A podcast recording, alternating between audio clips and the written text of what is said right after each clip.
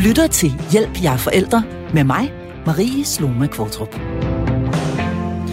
Det moderne menneske har travlt. At slappe af, lade tiden gå i stå eller fordybe sig er noget, vi planlægger og skemalægger. Vi går til yoga, vandrer i de norske fjelle, tager på fisketure, dyrker meditation eller mindfulness, fordi vi ved, at det er vigtigt for både krop og sjæl med små åndehuller. Hvad ville der mon egentlig ske, hvis vi ikke planlagde under åndehullerne? Hvis vi blot ræsede afsted non-stop og kun tillod små pauser med øjnene rettet mod vores telefon? Vil vi få stress, gå ned med flaget, blive syge?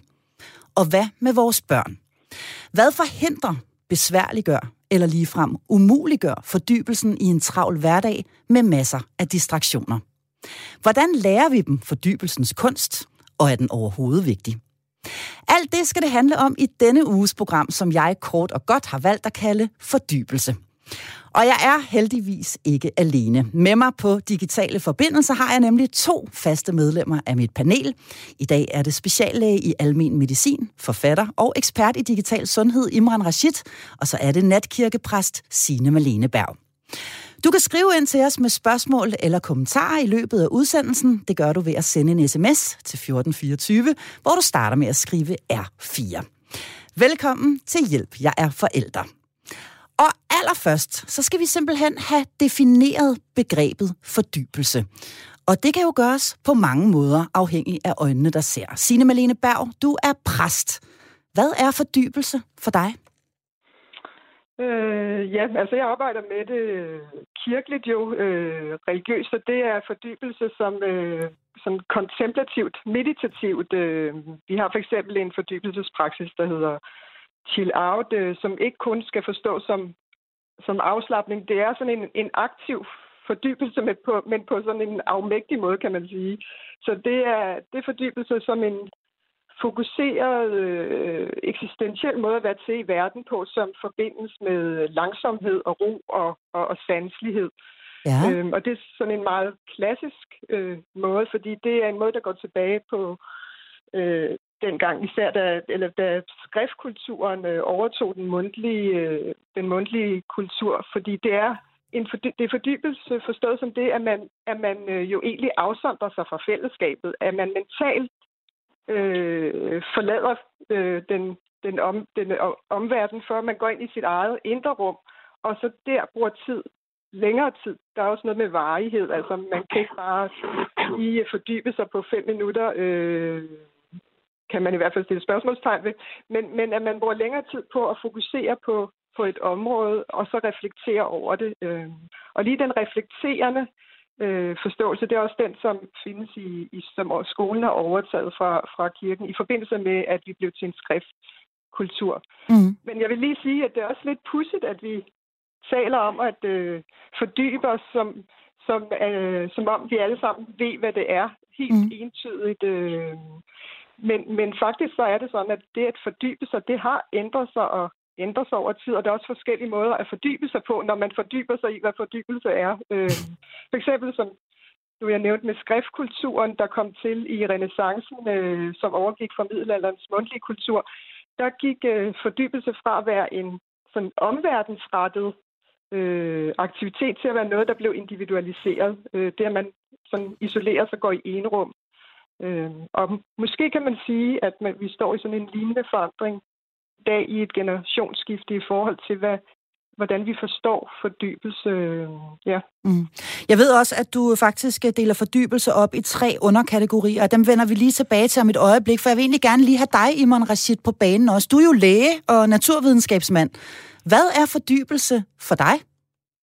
Jamen, øh, det er, hvornår du øh, i princippet indgår i en aktivitet, hvor du glemmer dig selv, hvor du øh, hvor du dedikerer din opmærksomhed til noget, der så enten kan være følelsesstyret, altså at du gør noget og bruger lang tid på det, og bruger dine sanser på noget, som skaber en følelse. Det kan være Netflix, det er jo også fordybelse, kan man sige. Mm-hmm. Øh, men, men det kan også være noget, hvor du så ikke kun øh, lapper i dig, så at sige, af, af, af Netflix og følelsesmæssige oplevelser, men også intellektuelle oplevelser, hvor du for eksempel øh, læser øh, en bog eller sidder øh, med noget håndværk. Øh, det kan også, altså, så det er sanserne, du dedikerer øh, til en given aktivitet, der på mange måder kan få det til at glemme dig selv, skabe nogle følelsesmæssige oplevelser, øh, og det er jo så også noget af det, man taler om øh, i forbindelse med det, man kalder flow, øh, forskningen. Der er en fyr, der hedder øh, Csikszentmihalyi, en, en forsker i øh, øh, lykke og i øh, det, man kalder flow-tilstanden, hvor man altså simpelthen fordyber sig i en aktivitet, som er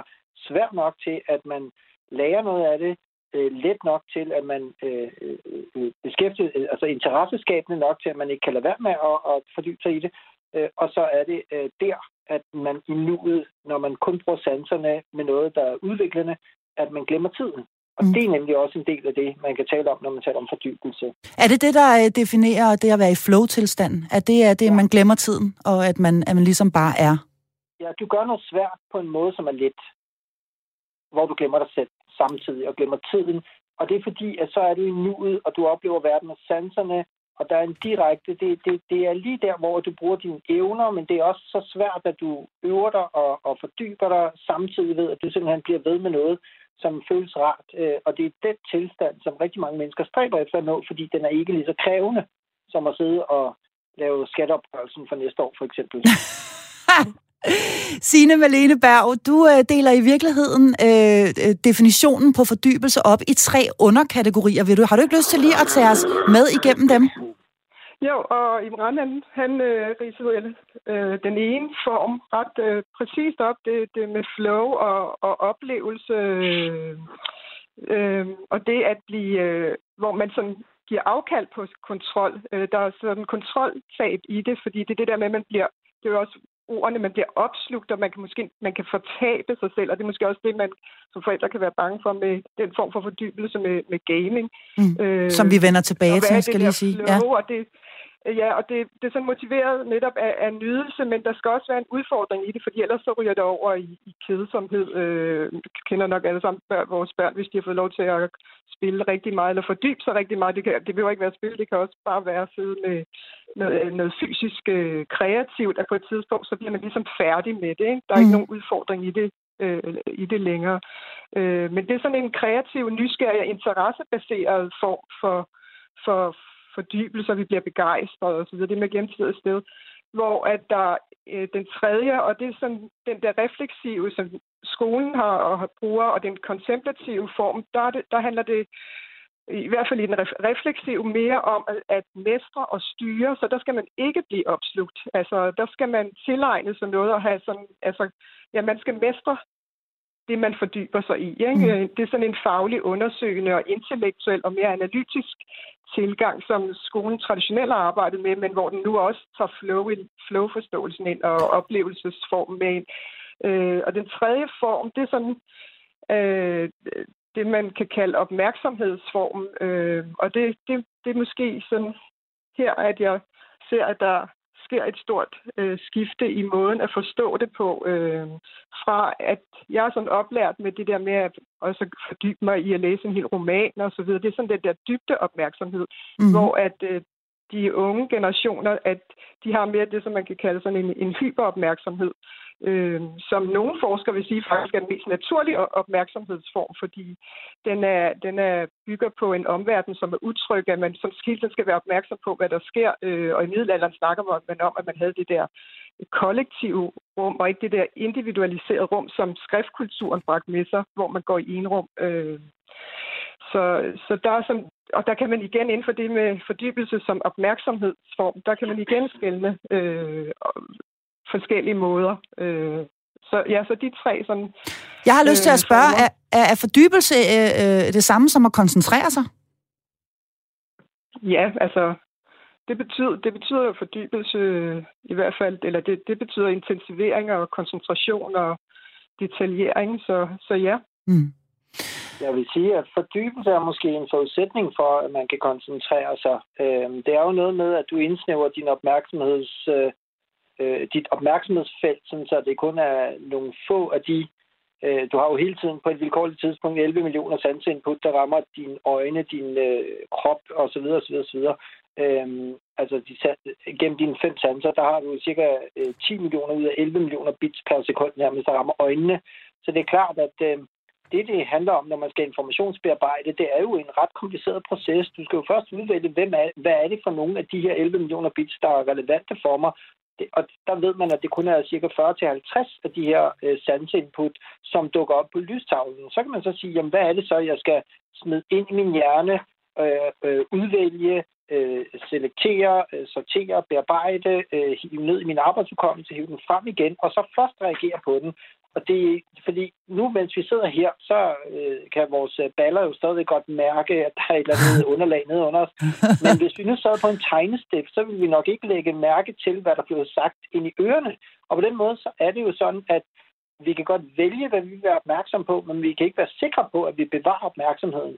Så hvis mm. man lige pludselig Altså, det, det, det kan, har en hver, der har prøvet at sidde og øh, have tyskundervisning, formentlig øh, oplevet, ikke? at man på et eller andet tidspunkt, så drømmer man sig væk til en anden planet, eller øh, et eller andet, der fanger ens opmærksomhed. Eller for det til skyld, øh, at hvis jeg begyndte at tale langsommere i et søvndysende tempo, så vil de fleste af os selv nærmest være ude øh, have trang til at tjekke deres telefon med det samme. Ikke? Ja, eller skifte over på en anden konkurrerende ja. radiostation. Ja. Adfærd ja. hænger sammen med følelser. Og det er der, jeg tror, at vi er rigtig, det er vigtigt, at, at man øh, lærer at have fokus på øh, sin øh, trang til distraktioner, når man øh, vælger at ville koncentrere sig. Mm. Jeg, jeg har lyst til at spørge jer sådan en lille smule øh, overordnet. Hvorfor er det overhovedet øh, godt at kunne fordybe sig?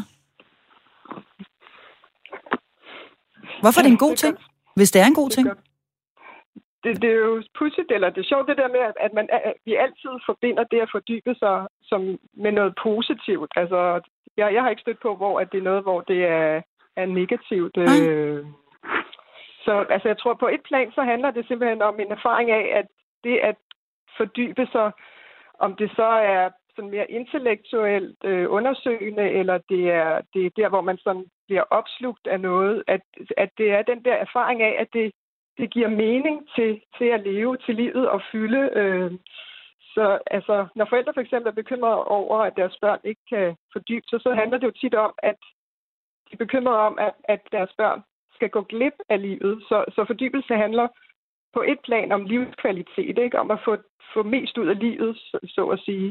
Mm. Øh, hvilket er lidt sjovt, fordi fordybelse er jo sådan set, at at vælge en hel masse fra, ikke? Jo, øh. men jeg har bare lyst til at med afsætte i den indledning, jeg også havde på programmet, at sige, jamen altså de her åndehuller, hvad enten de er skemalagte, og, og hvad, hvad, altså, ligegyldigt hvordan de så øh, end må opstå, om det er noget, der ligger let til os, eller ikke ligger let til os, hvorfor har vi brug for det her? Nu spørger jeg dig, Iman Rashid, som naturvidenskabsmand og læge, hvorfor har vi brug for det? Hvorfor har vores kroppe og vores, øh, og vores øh, psyker brug for de her pauser eller huller? Jamen, det er jo fordi, at det, øh, som jo er det største øh, aktiv, vi har, det brændstof, vi har, hvis man skal endelig skal tale om noget, man kan kalde øh, hjernebenzin, så er det jo vores evne til at fokusere. Det er en krævende proces. Hjernen, den vejer kun 3% af den samlede kropsvægt, men bruger 25% af al energien, og det betyder, at jo mere vi koncentrerer os, jo hurtigere løber vi tør. Og det er også derfor, at den der bevidste måde at leve på, hvor man koncentrerer sig rigtig, rigtig meget, den er ekstremt krævende, og man tænker, altså det, det, det, forskningen i forhold til bevidsthed anslår, at det måske kun er 10 procent max af tiden, vi er bevidste om det, vi gør. Resten kører på autopilot, på vane, på følelses, på instinkter og flexer.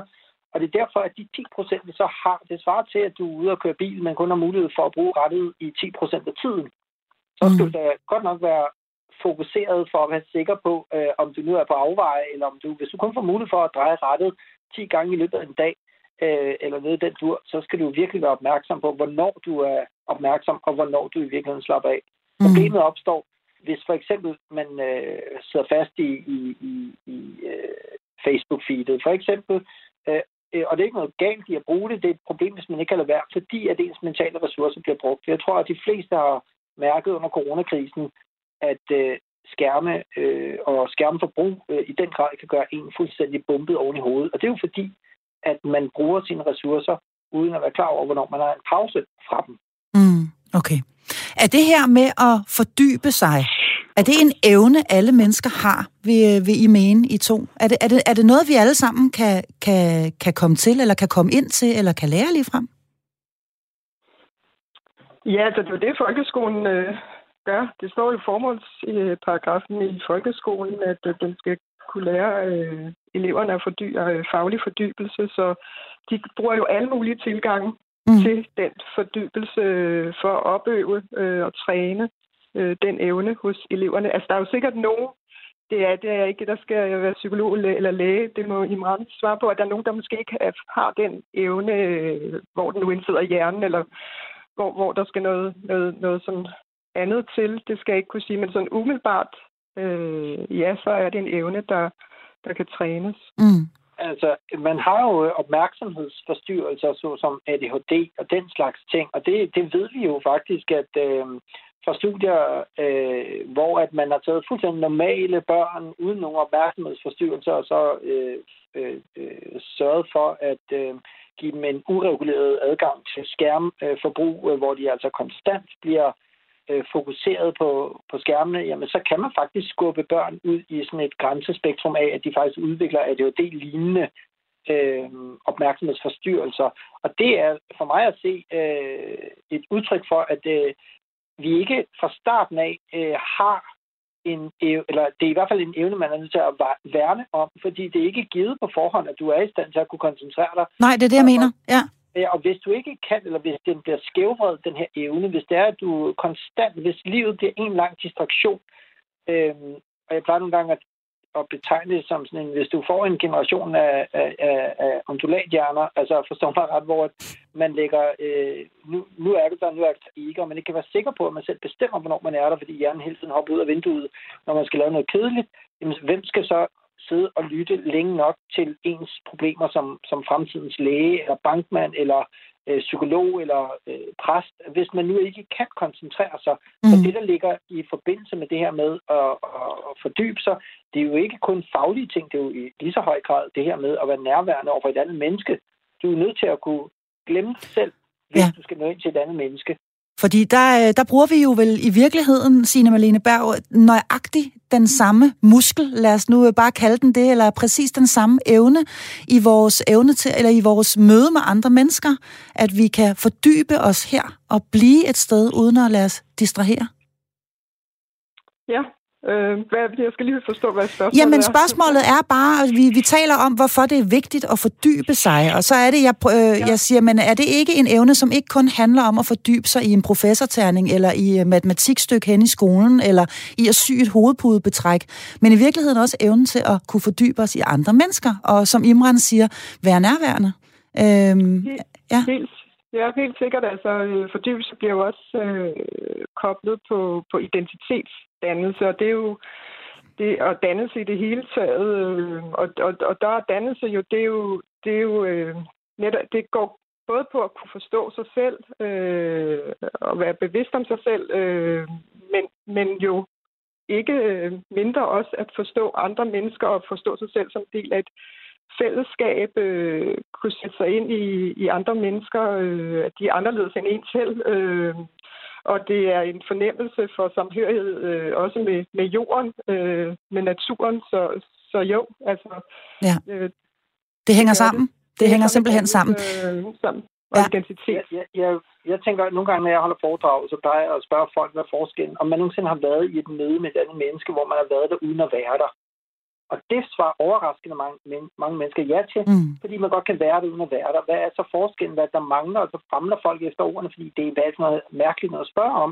På et tidspunkt, så kommer de frem til, når, når nærvær, så spørger jeg så, okay, hvad er forskellen på tilstedevær og nærvær? Mm. Det, der er forskellen, det er, at du faktisk både taler på tankekanalen, registrerer, men du er altså også i gang med at sende på følelseskanalen. Man kan mærke, om folk er nærværende, på samme ja. måde som man også kan mærke, hvis de ikke er der. Men man kan bare ikke sætte fingeren på det, hvis det er, at de bare sidder der og netop flakker mm. øh, mentalt øh, væk fra en. Det kan mm. man dog mærke, så vil man føle sig afvist, og det er fordi, man ikke bliver følelsesmæssigt stimuleret. Så fordybelse handler, som jeg startede med at sige, om også at kunne glemme sig selv, om det så er til fordel for en bog, eller øh, øh noget svær matematik, eller et andet menneske. Det er mm. præcis det samme. Du skal ud af dit eget hoved, før du kan øh, gøre dig håb om enten at møde et andet menneske, eller øh, et, øh, noget andet fagligt stof. Og, og det er der, dannelsen ligger for mig. Mm. Spørgsmålet er, fordi det er jo altså ikke en øh, muskel, vi har, en øh, fordybelsesmuskel eller en evne til at være en nærværende muskel. Spørgsmålet er, kan det, kan det trænes? Altså, kan, kan, kan det, kan, er det noget, vi kan træne vores øh, børn til? Og det skal vi altså øh, tale øh, meget mere om nu. Du lytter til Hjælp, jeg er forældre. Ja, og øh, ugens emne er fordybelse. Jeg har natkirkepræst Signe Malene Berg og speciallæge i almen medicin, forfatter og ekspert i digital sundhed Imran Rashid med mig. De er begge fra mit faste panel, men desværre kun med mig her på coronasikre forbindelser. Du kan stadig skrive ind til os. Det gør du ved at sende en sms, hvor du starter med at skrive R4, og så sender du ellers bare afsted til 1424. Nu har vi forsøgt så godt vi overhovedet kunne at definere selve begrebet fordybelse, og nu skal vi altså kigge nærmere på de forhindringer, der knytter sig til selv samme begreb. Og Imran, hvad er i din optik den største forhindring for, at vi og ikke mindst vores børn kan blive gode til at fordybe os? Øhm, som jeg ser det ud fra mit øh, perspektiv gennem de sidste 10 års øh, uregulerede digitalisering, der har for, fundet sted, så vil jeg nok sige, at den største udfordring er, øh, at vi øh, har fået et øh, digitalt øh, medieforbrug, som øh, skævrider vores evne til at være til stede i nuet, øh, fordi der er så meget sjovere at være øh, alle andre steder end øh, det, der sker omkring os.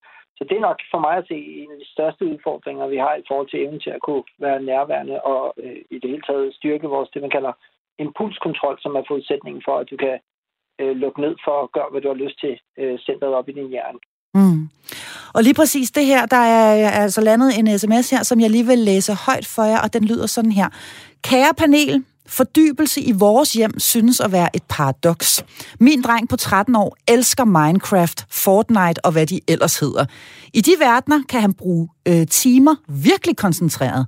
Men gælder det bøger, så står frontallapperne helt af. Er de to ting egentlig at sammenligne, og hvad stiller man op med en dreng, der bare hader bøger? Jeg har desuden et lille horn i siden på folkeskolen. Den virker ærligt talt mere egnet til en 12-talspige end en 6-talsdreng, især når det gælder motivation og evnen til at lære og fordybe sig. Med venlig hilsen, Marianne. Så øh, jeg skal lige sige, at du også er meget velkommen til at sms ind til os. Det gør du ved at skrive R4 og øh, sende afsted til 1424. Denne her sms fra Marianne, som altså har denne her 13-årige dreng, han er super god til at fordybe sig, så længe det er computerspil. Øhm, hvad, vil du, øh, hvad, hvad har I lyst til at, at svare øh, Marianne? Jamen altså, igen, øh, i forhold til, det er jo ikke et problem, at han sidder og spiller Minecraft. Det er et problem den dag, han ikke kan lade være med det. Øh, fordi så er man nødt til at kigge på, øh, hvad er fordelen og ulemperne ved det fravær, han ville opleve øh, i forhold til kontakten til andre mennesker. Øh, altså frisk luft kan du ikke få, når du sidder inde i Minecraft-universet eksempelvis. Øh, ikke nu i hvert fald, nej. Nej, nej, nej, nej den altså, feature er ikke opfundet endnu ja, det kan man. Den kommer måske ikke. Det altså, frisk ja. luft, så kan man lige spise en pille øh, frisk luft samtidig, så ja, man behøver at gå ud. Altså, pointen er bare, at øh, vores livsstil har konsekvenser, både det vi gør, men også det, som vi ikke gør. Vi kan jo ikke bruge den samme tid flere steder. Så, så i det tilfælde vil jeg nok så kigge lidt på, at øh, hvad er det, hvordan kan man skabe nogle følelsesmæssige oplevelser? Det er jo lidt som hvis du skal spise rugbrød hele tiden. Ikke? Så, øh, øh når man spiller Minecraft, så smager det godt, så er det noget mad, man godt kan lide, åndelig føde. Mens at hvis man øh, øh, lige pludselig skal til at læse en bog, så kræver det meget mere en, så svarer det til at cykle op ad en bakke. Og der kunne man jo så, hvis man gerne vil som forældre bistå ens barn i at udvikle nogle vaner der, der kan man jo gøre det hyggeligt, sætte sig ned, sammen barnet sidder og læse sin egen bog, gøre det til en hyggestund, øh, sådan så at det ikke kun er barnet, der skal bære de der intellektuelle vægte på, der, på de spinkle skuldre, men at man sidder og gør det til en del af noget, man gør sammen, sådan så at forældrene går os, for måske kunne det jo også godt være, det er forældrene, der øh, i virkeligheden har skabt god bund for, at barnet synes, at skærme er så interessant. For forældrene er vel formentlig også selv i gang med at spille Minecraft på arbejdspladsen i form af Excel-ark. Mm. Signe Malenberg, har du lyst til at sige noget til Marianne her? Fordi hun spørger jo i virkeligheden, at, at, at, kan man sammenligne de her to ting? Altså at fordybe sig i computerspil, og så fordybe sig i en bog. Hvad vil du som præst mene her?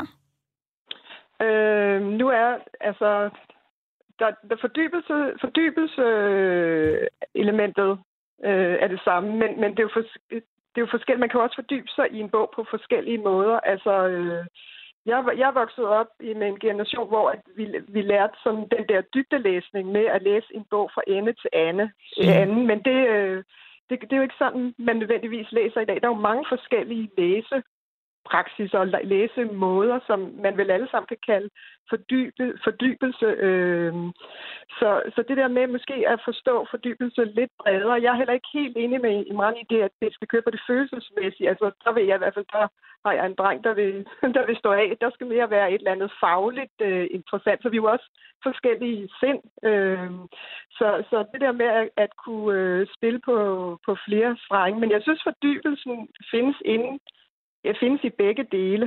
Mm. Og så kom jeg også i tanke om det med kroppen, at vi bliver ved med at have vores krop. Vi bliver ved med, at vi stadigvæk skal på toilettet, og øh, vi bliver stadigvæk sultne, vi forelsker os osv. Så, så der er også en krop, der på en eller anden måde holder os til, til, til en virkelighed, øh, mm. der måske kan rumme både det digitale og det analoge. Ikke? Mm. Øhm, altså, den, den, vi, vi, vi har stadigvæk vores krop, og der skal altså noget, noget til, hvis ja. det skal forsvinde. Så er det i hvert fald en helt anden verden.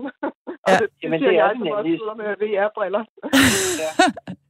ja, I Sydkorea, der, ja. Hvad siger Sydkorea, du, Der kan du jeg siger, i Sydkorea, der kan du faktisk blive gift med en VR-figur, øh, og der er flere mennesker der, som netop øh, hellere vil bruge tid inde i VR-universet, fordi de netop ikke får opøvet de sociale kompetencer, der skal til for, at man kan gå ud på dating med markedet og, og, og øh, interagere med det modsatte køn, fordi det kræver også kompetencer. Mm. Øh, og lige i forhold til det der med øh, faglighed, øh, som interesserer de barn sine, altså faglighed og interesse, det er jo også noget, som der skal skabes grobund for, og det er jo, det er jo, det er jo ikke øh, matematik øh, ren og skær kolde. Øh, altså det er jo fordi, man har en interesse for det. Det skaber jo øh, naturlig trang til, at man vil dykke længere ned i det.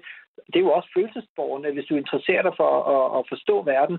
Øh, så, så, så det, jeg mener, det er ikke den der flødeskums, at det skal være matadormix og hygge, men du er alt lige nødt til, hvis dit barn hellere vil i Minecraft-universet, så er det jo fordi, det ikke er lige så sjovt at sidde med bøger og der skal man måske netop sørge for i første omgang at skabe en stemning omkring det, sådan så at barnet lige pludselig begynder at opdage, at der faktisk sker noget på, den, på side 44, som øh, man ikke vil opdage, når man går i stå på side 3. Og det der, lige præcis det du er inde på der, det kan jo altså være noget af en svær øvelse som forældre. Jeg har her i øh, løbet af øh, ugen spurgt i programmets helt egen Facebook-gruppe, som jeg også lige skal skynde mig at sige, at alle er meget velkomne til at komme ind i det et skønt sted at være. Jeg har spurgt dem til det her med fordybelse, og her er noget af det, de ret samstemmende siger, det er, at skærme er den største hindring for, at deres børn ligesom kan øh, fordybe sig. Der er blandt andet en, der skriver her, og det er meget apropos det, I begge to nævner omkring kroppen.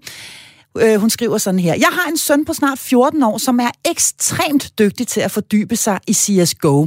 Han kan fordybe sig i helt op til 24 timer, hvis han bare får et par energidrikke. Han bliver kun distraheret, når man som forælder forlanger, at han enten går i bad eller kommer ud i køkkenet for at spise med til måltider med rigtig mad. Det er jo altså skrevet sådan lidt på humoristisk vis, men ikke desto mindre, så, øh, så har denne her mor jo en pointe i forhold til, at her er der altså rent faktisk en lille fyr på 14 år, som kan sidde et helt døgn uden nærmest at kunne mærke, at han skal tisse eller er sulten, eller han kan nærmest glemme, at han, at han faktisk har en krop lige indtil hans mor banker på døren og minder ham om det. Er det ikke fordybelse i sin fineste form? Jo, det synes jeg. Altså, jeg ved ikke, hvem er ja. svare Ja, svar du, Signe, hvis du synes, det, det er altså, fordybelse altså, i sin fineste form. Jeg, jeg, jeg var sådan en, der, der var, blev kaldt en bogorm. Jeg sad altså i, i weekenden, der var det op på biblioteket, lånte massevis af bøger, og så øh, glemte jeg nærmest at spise og sove hele weekenden, fordi jeg var så opslugt i en bog. Øh, så, så det, det er fordybelse, men det er jo det der også, øh, som jeg sagde i indledningen, at det, det der med, at vi jo kun opfatter fordybelse som noget positivt, men, men kan det komme over i noget andet? Øh, mm. Og det er noget, for nogen er der måske ikke en stop-knap. Altså, det er der jo for de fleste. Øh, så, så, bliver man, så bliver det for kedeligt, eller for træt. Man, altså, hjernen skal koble af på, på det, man er fordybet i. Mm. Øh, men, men det der med, at fordybelse egentlig kan blive for meget, om det så er øh, Minecraft, eller at øh, man læser i en bog, eller hvad det nu kan være, om det kan blive for meget. Ja, altså der, hvor det bliver øh, interessant for mig, for jeg har nemlig også øh, især drengebørn, som er ekstremt øh, op at køre over øh, computerspil, og har meget, meget svært ved at se det interessante i at, øh, at læse en bog. Der, hvor det bliver interessant for mig, jamen, det er jo der, hvor man, om det tangerer en, en form for afhængighed, snarere end en, øh, snarere end en, en regulær fordybelse. Altså om det simpelthen bliver så meget et drug for dem, at, øh, at det bare er det her fix, de skal have hele tiden. i Rashid, det her er vi jo inde på noget det, som du ved allermest om overhovedet. Hvornår går det fra, at man kan sige, jamen det er fint, han sidder og fordyber sig i 24 timer med to Red Bull inde på værelset, til at man rent faktisk skal stoppe op og sige, hey, her er der måske i virkeligheden noget andet på spil, måske lige frem en afhængighed? Altså, hvis øh, man ikke som helt almindelig menneske i dag kan se det problematiske i, at det øh, barn øh, er øh, spadet ind på sit værelse 24 timer inde i et øh, digitalt univers, øh, hvor at øh, øh, man i den grad, øh, det er jo ikke, altså her er det jo ikke fordybelse, her er det jo druknedød. Øh, digital druknedød kan man nærmest kalde det, fordi mm. at, øh, hvad skal der til for, at man kommer ud igen, så er man jo fanget inde i det. Øh, og det, der nemlig er udfordringen, det er jo, øh, at ved, altså, hvis man skal tale om det sted afhængighed, det, det, er jo, det er jo meget, meget få, der decideret er computerspils afhængige. Mm. Det, som folk øh, får, øh, det er jo ekstremt øh, øh, påvirket vaner. Mm. Øh, og som jeg sagde, der hvor problemet er, det er jo ikke, hvis man bruger enormt meget tid på det, det er jo, hvis man ikke kan lade være med det, hvis det går ind øh, og mm. forstyrrer og, og skader øh, en masse andre ting. Øh, fordi eksempelvis, øh, så vil man jo også sikkert opleve, at øh, øh, den der, øh, man er kort for hovedet af ens øh, impulskontrol, den skrider i svinget, man kan måske ikke koncentrere sig om sine lektier osv. osv. Altså, det er alle de der, øh, man på engelsk ville kalde collateral damage, altså alt det, der kan ske ved siden af, som jeg er optaget af at, at øh, have fokus på. Øh, for det er fint, hvis det er, at man dykker ned i et computerspil, fordi øh, jeg kan da huske, da, da, da vi øh, herhjemme købte den nye øh, Playstation for noget tid siden, øh, så fik vi da også bare kværnet et spil igennem, hvor vi bare spillede der ud af. Men mm. det var jo fordi, det var det hyggelige ved at være sammen. Man skal jo kigge på de psykologiske mekanismer, der ligger til grund for, at man spærrer sig inde i, i så lang tid. Hvis det er mm. sammen med de andre venner, fair nok, men så skal man lave sådan nogle LAN-party, sådan så der også er mennesker omkring en. Øhm, fordi at det kan jo ikke alt den lige øh, være øh, en problematisk tilstand, hvis man i 24 timer, altså der er en grund til, at lastbilchauffører har hviletidsbestemmelser, ikke? Altså, det burde jo også gælde for børn på et eller andet sted, øh, specielt fordi børn er langt mere påvirkelige. Mm. Altså, hvordan har han det så, når han kommer ud igen efter de 24 timer? Altså, på en eller anden måde vil jeg jo så sige, at det her, det nærmer sig jo en eller anden form for et digitalt omsorgsvægt, hvis man øh, hvis ikke at man øh, sørger for, at ens barn får noget at drikke og spise og, og forholde de pauser, fordi det går jo ekstremt meget ud over de mentale øh, ressourcer. Det er mm. der slet ingen tvivl om. Og her er der altså forskel, mener du, kan jeg høre, Imon Rashid, uden at lægge dig ord i munden, at øh, der er altså forskel på, at man ligger op på værelset og læser en spændende bog, som man simpelthen ikke kan ja. slippe, og så sidder inde i det her CSGO-univers. Der er forskel. Ja, fors- forskellen ligger i, at øh, når du læser en bog, så skaber du selv billederne. Det er en meget mere, hvad kan man sige, mental økologisk oplevelse.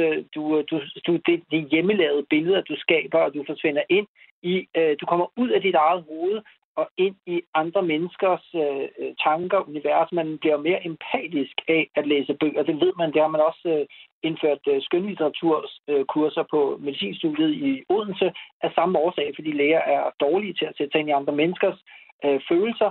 Det, det er jo i hvert fald noget af det, man øh, har fundet ud af, at skønlitteratur kan hjælpe på men du bliver ikke nødvendigvis mere empatisk af at sidde og skyde andre øh, terrorister i et CSGO-spil. Øh, det kan godt være, at der er enormt mange af de her ting, men hvis du spurgte nogle af de dygtigste Astralis-spillere, for eksempel Counter-Strike-spillere, så ville de heller ikke synes, at det var øh, den bedste måde at, at navigere på, hvis man øh, lader et barn være alene i 24 timer. Tværtimod, jeg kender faktisk en masse af dem, som har dyrket øh, eliteidræt, altså elite e-sport, der er det jo noget med at spille i kort tid, holde pauser, restitutionen, få sunde vaner, mad, vand, øh, alle de her ting. Og så kan man spille, når man har en frisk hjerne, 24 timer isoleret i et drukne, digitalt druknedød. Det er ikke øh, for mig at se øh, det samme som fordybelse. Det er ikke nogen, øh, det er ikke nogen god idé. Signe Malene Berg, du vil gerne supplere her. Ja, det er bare lige en tilføjelse, eller et uh, supplement, det der med, altså med, med at selv, altså elitespillere, det, de, det kræver faktisk ret god fysik. altså, så de kan ikke bare øh, blive 24 timer, eller de kan ikke bare lukke sig ind og så kun spille. Øh, de skal faktisk være i god form for ja. at kunne øh, gøre det. Og, øh, øh, øh, min ven, han, øh, han var på VR, prøvede VR, hvor han var på, i, i en boksekamp, øh, og det kræver altså også ret god... Øh, ret god uh, kondi at kunne gøre det. Og så i øvrigt, så kom han til at bange hånden ned i fjernsynsskærmen, så han fik uh, et sår, og kroppen får også stadigvæk sår. Altså, det, så han kom også skadet ud? så kom han, ja. Ja. Okay, vi har fået en sms her mere. Den kommer fra Simon, som skriver sådan her. Jeg havde det også svært i skolen. Det var virkelig kedeligt og uinteressant, og jeg sad bare og kiggede ud af vinduet. Jeg tog meget flugt i computerspil, men fandt senere ud af, at det ikke behøvede at være computerspil som CS. Det kunne være at bygge noget, både på computeren eller i virkeligheden. Lære nervesystemet at kende. Hvis jeg skulle noget, som er kedeligt eller repetitivt, så blokerede min hjerne for det, også selvom det var vigtigt. Og det er altså Simon. Øh, jeg ved ikke, hvor gammel Simon er her, men han har da i hvert fald fået en erkendelse her, som jeg da egentlig har lyst til at smide videre til jer, nemlig øh, erkendelsen af, at man kan koble af eller fordybe sig, eller slappe af på øh, mange måder, Iman Rashid. Ja, Altså, der er jo i de senere år jo blevet forsket enormt meget i hele den her mentale øh, afkobling og den her restitution, som vi har brug for, fordi det er jo nok en af de største udfordringer, det moderne vidensarbejdende menneske har, nemlig at vi er udsat for et øh, informationsoverload, som øh, overstiger alt, hvad vi nogensinde tidligere i øh, menneskets historie har oplevet. Altså, øh, og der er jo flere konsekvenser af det. For det første er der langt mere information, som skal bearbejdes hele tiden simultant, samtidig med, at vi altså øh, har adgang til det øh, 24-7. Altså, du er aldrig færdig med at øh, tjekke Facebook, eller der er altid noget at, at mm. komme tilbage på din telefon for. Og det gør jo selvfølgelig, at det går ud over vores evne til at holde fokus, øh, altså den her massive øh, påvirkning. Øh, og derfor øh, så øh, har jeg i hvert fald kigget på i min kommende bog, øh, om hvad det er for nogle ting, som man ved fra forskningen, der kan hjælpe med at skrue ned for den her tænkehjerne. For hvis ikke vi finder mute eller volume-knappen på vores kognitive, øh, altså på frontallapperne, så vil vi jo i et høj grad udvikle stress, øh, som, som i, i, altså det, mm. det har man set under coronakrisen med mental trivsel, fordi vi ikke har kunnet hoppe af, samtidig med at vi ikke har haft nogen sociale relationer til ligesom at, at, at, at opveje for den del. Og der har man fundet ud af, at der findes jo noget, som man kalder for forbigående nedregulering af frontallapperne, hvor man ved, for eksempel når man dyrker motion eller mediterer eller laver nogle af de her fordybelsesting, som altså, hvor du glemmer dig selv, hvor det føles godt, og hvor det er noget, du har kontrol over. Det kan være alt fra havearbejde til klaverspil til andet, der ligesom skaber nogle følelser, mm. øh, øh, religion. Øh, altså et eller, andet, eller bygge noget, noget, som Simon her han skriver, altså bygge noget med sine hænder. Lige præcis, mm. fordi så har du kontrol over noget, som du ikke behøver at bruge din hjerne til at konstant at bearbejde. Og det er der, jeg tror, at vi har brug for det, jeg kalder mærkesager. Det er ting, der skaber selvforglemmelse, som du har kontrol over, og som skaber det, jeg kalder en positiv mærkbarhed. Mm. Hvis du gør noget, der er let, og som skaber en positiv mærkbarhed, og du samtidig glemmer dig selv, så er du godt på vej til i hvert fald at få det, jeg kalder en mental grøn omstilling. En, mental, en mental grøn omstilling? fuldstændig som med planeten, ikke? hvor vi ikke brænder flere ressourcer ind, vi bygger op. Det det samme gælder for vores mentale ressourcer. Okay, det er et meget fint billede. Vi skal snakke lidt mere om det her med, hvordan man kan støtte sine børn i at, at, at fordybe sig. Jeg vender lige tilbage til øh, programmets Facebook-gruppe her igen, fordi det her med computerspil og den digitale verden, det er altså noget, der går igen og igen i øh, alle de, stort set alle de indlæg, der kommer. Her er for eksempel hvad en far fra gruppen, han skriver derinde. Han skriver, min søn på 12 er utrolig god til at fordybe sig i computerspil, især Minecraft. Men når vi engang imellem kommer over ugidelighedsbarriere, karrieren, kan han fordybe sig i en sjov bog, i at lave mad, at hugge brænde, i at sy, og så videre, og så videre. Og det er i mere eller mindre grad altid noget af en kamp at få ham til de her ting. Han starter næsten altid med at brokke sig og kritisere alt, indtil han indser, at det ikke hjælper. Så slipper han modstanden og giver sig hen til fordybelsen. Men det er godt nok op ad bakke. Det er altså en kamp at få denne her 12-årige dreng til andet end øh, computerspil. Og øh, jeg synes godt, jeg kan genkende det en øh, hel del hjemme øh, fra mig selv af. Hvorfor er det, at øh, lige præcis øh, skærme er blevet børnenes foretrukne aktivitet? Vil du, vil du svare på det, Signe? Det kunne være sjovt at høre, hvad du vil svare på det. Hvorfor tror du, at det trækker så meget i dem? Fordi det kan rigtig meget. Altså, øh, så, øh, så for mig, der, jeg tror bare, jeg ser sådan lidt mere historisk på det. Altså, øh, at, at vi er i en overgang til en ny øh, tidsalder. Øh, altså, vi er i den digitale tidsalder, som vi kalder det, og der er vi, den er kun i sin vorden.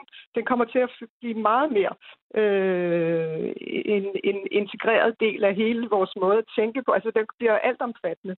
Så, mm. så derfor Altså, så vi, vi, vi er først i gang med at finde vores fødder i det, og agere i det, og kunne begynde at reflektere over, over det. Øh, så, øh, så, så for mig så ser jeg som historisk på det, at det er, at vi, vi er i gang med en ny tidsalder, og det kan også være nødvendigt for menneskehedens overlevelse, at vi ikke udsletter os selv, at der bliver vi nødt til at tage nogle andre øh, arbejdsredskaber i brug, end det, som industrialiseringen øh, hjælper os med. Så, øh, så det er egentlig også, der er også øh, overlevelse i det for menneskeheden. Det er sådan mm. det store perspektiv i Og jeg ved, øh, jeg ved, jeg kan næsten, øh, ved næsten, hvad Imran han vil sige, at vi jo også er testpersoner, og de generationer, der vokser op nu, de på øh, langt hen ad vejen faktisk er lidt forsøgskaniner i det her, den her digitale, meget uregulerede digitale verden, de, de øh, vokser op i.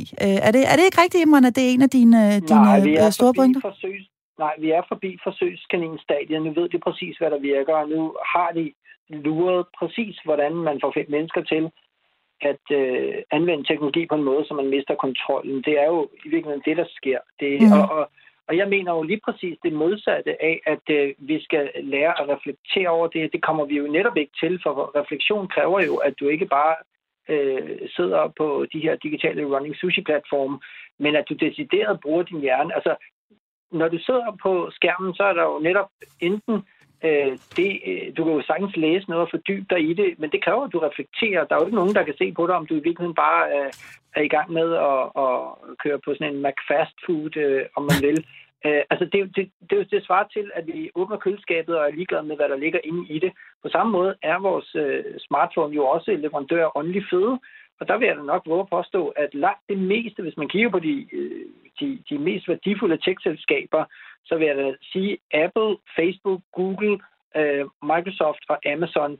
Altså det, de leverer til verden, det er jo øh, i høj grad viden, ja, men de leverer altså i den grad også kattevideoer, og der tror jeg da ikke, vi bliver et bedre, øh, en bedre race af at øh, sidde og blive rigtig gode til at google, for at stoppe med at tænke selv.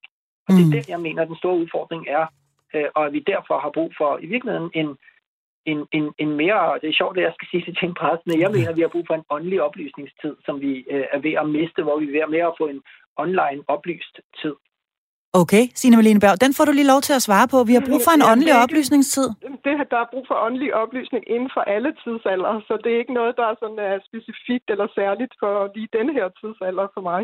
Øhm, og det med at reflektere og tænke selv, altså det er jo netop, der vil jeg gå tilbage til de der tre former for forståelse af, hvad fordybelse er, at det, ikke, det er jo ikke kun det der med flow og at nyde det og køre på det følelsesmæssige, men det er jo netop også den reflekterende, at tænke selv øh, den meditative, kontemplative, altså at, at der er de forskellige øh, former for fordybelse, og der mener jeg simpelthen øh, ikke, at man kan stille det så sort-hvidt op. Altså der er der er øh, den digitale, der kan det, det digitale øh, liv øh, i den grad også være en hjælp til fordybelse og til fællesskab og øh, ja, på samme måde som, som den tidsalder, vi bevæger os væk fra. Mm. Men du anerkender Men du sammen? Ja, anerkender, du, øh, anerkender du, at det også er en distraktion for vores børn? Mm, ikke kun. Altså, mm. det, er jo, det er jo også en koncentration altså, mm. og en refleksion. Altså, der er mange ting i det. Øh, og det er også noget, som jeg, jeg må erkende, at, og det er vigtigt, at man sådan erkender, synes jeg, som, som øh, en anden generation, at, jeg, at der er en hel masse, jeg aldrig kommer til at forstå. Så derfor gælder det om at blande sig, altså at se, gå ind i det og finde ud af, hvad fanden er det, det undskyld, jeg banner. Øh, det handler om øh, inden for det konkrete, øh, man nu sidder i øh, og, og opdager og så videre, så det er jo slet ikke, at jeg, jeg, jeg synes i den grad, der skal regulering til og så videre, men det der som helt at forsage det, det, det, det synes jeg faktisk er farligt, og jeg synes også, det er urealistisk. Øh, jeg synes virkelig, man skal gå ind og blande sig og, og finde ud af, hvad der foregår. Mm. Øh, ud fra den erkendelse, at man aldrig kommer til at forstå det. Det er en anden generation, og det er en anden måde at, øh, at være til på, øh, forstå jo, verden. De, de er jo stadigvæk mennesker, og, og, og vi har jo, Præcis. jeg har ja. indsigt i deres biologiske, psykologiske og sociale behov. Du har indsigt i deres eksistentielle behov, og de har vel for sådan, der ikke ændret sig på tusind eller flere hundrede tusind år. Vi er jo mennesker, der har brug for andre mennesker. Øh, vi er jo ikke bygget til glasskærm, vi er bygget til menneskehud, og vi er bygget til at reagere på andre menneskers følelser det er jo, det er jo alt andet lige det, som er udfordringen, hvis det er, at du kun reagerer på pixels og, på, øh, og, og lærer at swipe ubehagelige, øh, hvis du trækker relationer på dåse eksempelvis, øh, som, som øh, den øh, måde, som øh, digitale medier omdanner, øh, eller i hvert fald mange digitale medier omdanner, øh, eller, og vi kalder det sociale medier, men du bliver jo ikke specielt social, fordi at du er nødt til at være social i den virkelige verden, og så bring det med til bordet. Du bliver jo ikke mere social af at sidde og trykke på en glasskærm, for at se, hvad andre trykker på deres glasskærm og gjort værdi. Så, mm. så er det jo ikke en oplevelse, det bliver mere en registrering af nogle pixels. Mm. Altså, Signe? der tror jeg godt, at man kan være øh, social i, i det, som vi kalder den ikke virkelige verden, men som for de unge er en del af den virkelige verden. Altså der, øh, så jeg, jeg, jeg, jeg kan ikke stille det så sort-hvidt øh, sort op, og der er også, der er også øh, altså historier om børn, som, øh, som, som måske har et handicap, der gør, at de ikke kan være ude socialt, og så har det at kunne spille været den vej til fællesskabet, som jeg synes er lige så værdifuld som, mm. som de, mm. de fysiske fællesskaber. Så, mm. så på den mm. måde synes jeg, der er rigtig meget godt Mm. Øh, og mange kronisk syge børn her under coronapandemien og så videre, som ville have været ja. godt og grundigt øh, øh, på, på, på den, hvis ikke de havde haft øh, de, øh, digitale medier. Men jeg, jeg er helt enig. Mm. Så vil jeg bare også sige, at øh, altså, vi er jo ikke så langt i den digitale tidsalder, så at øh, vi under den her coronatid, der synes jeg, det har sådan været ret... Øh, altså, det har været sådan ret primitivt med de digitale platformer, brugen af det osv. Så, videre. så det er jo også derfor, at altså, de unge, og, og vi er som sagt stadigvæk kroppe med følelser og instinkter osv., øh, og, og har, har brug for, det, for den fysiske kontakt. Så det er jo, det er jo bare været bredt. Altså, det, det, det, vi snakker jo ikke om andet i den her tid om, at ungerne de vil tilbage og se hinanden. De vil væk fra skærmene. Mm. Øh, så mere trækker det jo trods alt heller ikke. Mm. Du lytter til Hjælp, jeg er forældre. Ja, vi er i fuld gang med at tale om fordybelse her i programmet. Jeg har øh, Iman Rashid og Signe Malene Berg med mig, henholdsvis øh, speciallæge i almen medicin og ekspert i digital sundhed og præst. Og det er øh, meget interessant at høre, hvordan I anskuer både fordybelse, men også hvad der øh, potentielt kan forhindre eller umuliggøre fordybelsen, øh, og i høj grad digitaliseringen meget forskellig. Vi kunne blive ved i flere timer, men vi skal altså lige nå omkring øh, og tale en lille smule om, hvordan vi som forældre kan støtte vores børn i at fordybe sig. Øh, hvordan gør man det, øh, Iman Rashid? Hvordan støtter vi dem i at lære at fordybe sig? Jamen, det gør man jo dels ved at øh, vække den der trang i dem hvor de selv opdager, at her er der noget, der for, ikke bare fortjener min opmærksomhed, men som faktisk øh, øh, noget, der vokser, når jeg giver det min opmærksomhed. Øh, og det kan jo være specielt der, sådan noget som skaberkraft kommer ind, når de for eksempel øh, begynder at vande en, øh, hvis I, hvis I øh, plant, øh, gerne vil plante nogle øh, planter øh, og så nogle frø, og man så hmm. der går og holder øje med, at det her det er faktisk noget, der vokser. Der kan man jo i den grad få børn til at fordybe sig. Øh, det kan også være, hvis de begynder at spille musik, eller gå til spejder, eller sport, eller andre ting, hvor de opdager den her øh, kobling, der er mellem, at når jeg giver noget af mig selv til det her, så er det, at det former mig i en bestemt retning. Og det er derfor, jeg tror, at den her kropslighed, sanselighed, mærkbarheden i det, man gør, den er nødt til at være en del af det. Du er nødt til at have noget, som du kan mærke, ellers så er det, at øh, du bliver afkoblet fra det, du bruger din opmærksomhed på. Det er det, jeg tror, nøglen til fordybelse ligger. Det er nødt til at være en sanseoplevelse, øh, en stor del af det. Ja, for der er faktisk en, øh, en lytter, der har skrevet ind på sms'en 1424. Imran kom lige ned på jorden igen til os andre. Og, øh, og det kom du så her med faktisk i samme åndedrag, fordi det, du jo faktisk her giver et helt konkret eksempel på, øh, hvordan det kan være godt for vores børn øh, og øh, måske få lidt jord under neglene. Signe Malene Berg, hvordan øh, støtter vi vores øh, børn i fordybelsens kunst? Ja, jeg tror, der er Imran rigtig, rigtig mange gode eksempler. Øh, mm. det, så øh, men, ja, altså det er, jo også, det er jo også noget med sådan at følge naturens orden, altså kalender og måske også den kulturelle kalender. Altså nu er det påske, så, så er det noget med altså, at prikke hul i nogle æg og puste ud det, øh, og lave og male dem. Øh, og så altså, netop også med sådan, at igen det der med, at fordybelse har også sin tid. Der skal også andre ting end fordybelse ind. Øh, mm.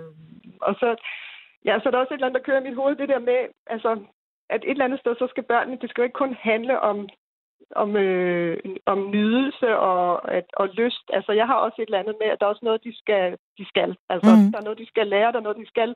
De skal kunne holde ud, altså, øh, selvom det ikke lige er det, de vil. Altså, så skal de også lære at komme igennem en irritation. Øh, Ja. Øh, så, så at det er der også dannelse i. Øh, så ja, så det der grib, hvad vi har, altså vi lever jo i, i, på den måde et, et rigt land, altså der er masser af muligheder, og der er masser af forslag til, hvordan man kan skabe mm. de der fordybelsesrum øh, mm. for ens for ens børn.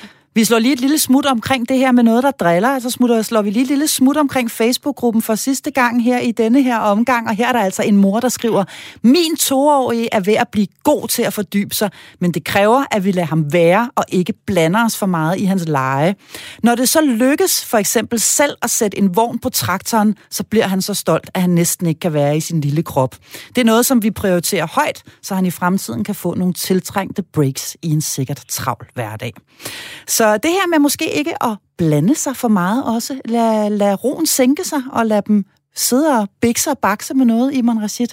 Er det en god idé? Det er jo Ja, det er en forudsætning, som jeg ser, det er, at de selv erkender og opdager på egen krop. Øh, det er jo ligesom, hvis du skal lære dem at cykle. Du kan jo ikke cykle for dem, jo. Det kan du godt, hvis du holder styrepinden bagved, men, men de er nødt til selv at opdage, et, at de kan cykle, at de er nogen, der cykler, og nu er de i gang med at cykle, så kan de begynde at bevæge sig hen der, hvor de gerne vil hen, fordi de er, altså, det, er, det er jo både en biologisk, psykologisk og social proces, der foregår her, og hvis man aldrig slipper øh, grebet og lader dem selv gå ud og falde og, og slå hul på knæet, så vil de jo aldrig opdage, hvordan det er at stå sikkert på benene. Så jo, helt sikkert, der er man nødt til at, at, at give slip, for det er jo i virkeligheden ikke forældrenes øh, Barbie-dukker eller, øh, eller dukkeprojekt, øh, som det jo meget nemt kan blive til. Mm. Så det her, det handler altså i høj grad også om ro. Det handler om ikke at blande sig alt for meget. Det handler om ikke at have alt for travlt øh, med, hvad barnet laver øh, hele tiden. Ja, gartner. Man skal være gartner for sine børn, ikke skabe forudsætningerne, så begynder børnene at gro. Okay. Og øh, Gardner i, i stedet for, for grønhandler, er det ikke det, du plejer at sige, Man Jeg elsker det billede, det kan du lige få lov til at, at, at, at, at sige en gang ja. til. Hvorfor, hvad er det, vi skal? Vi skal være, vi skal være Gardner i stedet for grønhandler? For børnene skabe forudsætningerne, og så for at gøde dem, plante eller vande dem, og så for at lyse på dem øh, med de øh, meninger og formål, som de, de aktiviteter, der er i det, og så ellers øh, følelser, relationer, øh, og så ellers mad, vand, varme, hvile, sikkerhed og tryghed. Det er Maslows behovspyramide i en planteformel, ikke? Øh, I stedet for bare at se på, hvad kan mit barn fedt, øh, og så sælge øh, det øh, og veksle det til nogle likes. Okay. Lad det blive de uh, sidste ord for i dag, hvor emnet altså var fordybelse, og jeg havde to fantastiske medlemmer af mit faste panel med mig, nemlig natkirkepræst Signe Malene Berg og speciallæge i almen medicin, forfatter og ekspert i digital sundhed, Iman Rashid. Tusind tak til jer begge to. Jeg vil også gerne sige tak til programmets Facebook-gruppe, og i øvrigt invitere alle indenfor. Jeg er usigeligt glad for alle de input og den inspiration, der kommer derinde.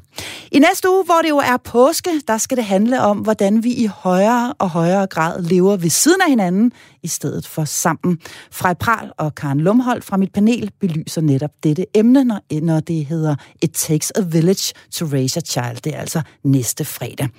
Og så har jeg kun tilbage at sige tusind tak for i dag. Mit navn er Marie Sloma Kvartrup, og du har lyttet til Hjælp, jeg er forælder.